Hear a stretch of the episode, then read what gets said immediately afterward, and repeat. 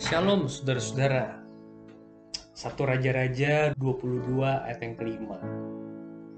Tetapi Yosafat berkata kepada Raja Israel, Baiklah tanyakan dahulu firman Tuhan.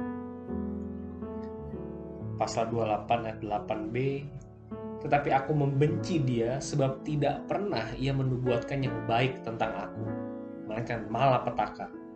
Orang itu ialah Mika bin Yimlah Saudara Ahab adalah seorang raja yang jahat. Ia maju berperang melawan Ramot Gilead. Ia mengajak Yosafat untuk berperang bersamanya. Namun sebelum maju berperang, Yosafat menghimbau raja untuk mendengarkan ucapan perkataan seorang nabi Tuhan.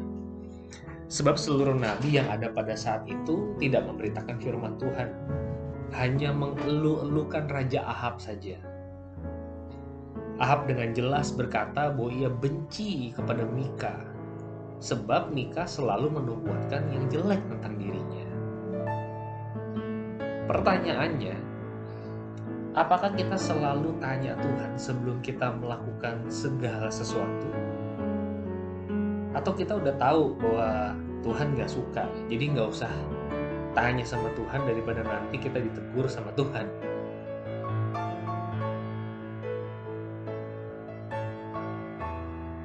Di sini juga saya belajar bahwa tugas sebagai hamba Tuhan bukanlah tugas yang sederhana. Hamba Tuhan memang harus menyampaikan berita anugerah. Yes, benar. Tetapi hamba Tuhan juga harus berimbang dengan menyampaikan teguran-teguran ilahi kepada umat. Pertama, dibutuhkan keberanian. Kedua, hamba Tuhan itu juga harus peka apa yang menjadi suara Tuhan buat dunia pada zamannya. Tanpa kekudusan, maka seorang hamba Tuhan tidak bisa melihat Allah dan tidak bisa menyampaikan pesan ilahi. Doakanlah para hamba Tuhan. Kita, kita semua tidak suka dievaluasi. Kalau dievaluasi, kita bisa menjadi orang yang baperan, tidak siap. Kita lebih suka dibilang bagus, benar, indah. Kita sesungguhnya sama dengan Ahab saya juga kembali diingatkan pagi ini bahwa saya harus siap untuk bertemu dengan suara kenabian itu. Saya harus membangun kehidupan doa yang intim dengan Tuhan. Sehingga tatkala waktunya tiba, saya siap untuk menjalankan kehendak Tuhan. Karena Tuhan sudah intim menjadi bagian dari keseharian saya.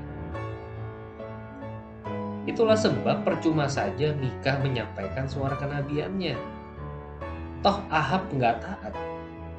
Mengapa? Karena dalam keseharian ia memang tidak taat. Ia tidak membangun relasi pribadi dengan Tuhan.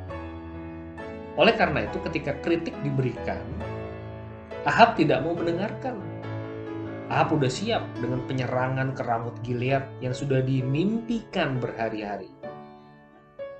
Itu yang dominan di kepala Ahab. Saudara, apa yang dominan di hati kita? Suara kenabian hanya menjadi berarti apabila kita didominasi oleh Allah.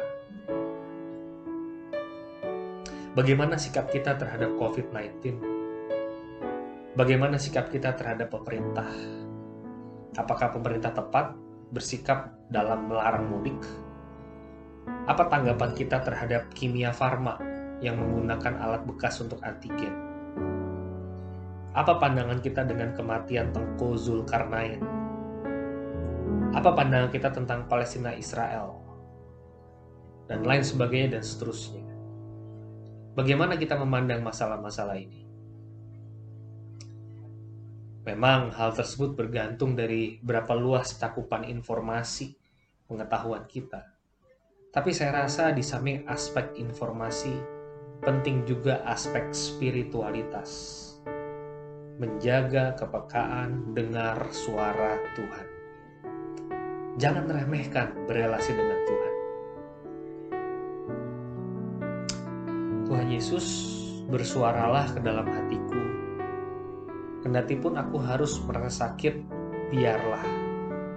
Hancurkan hatiku ya Tuhan, kalau memang perlu. Bikin aku nggak tenang dan nggak bisa tidur, kalau memang perlu.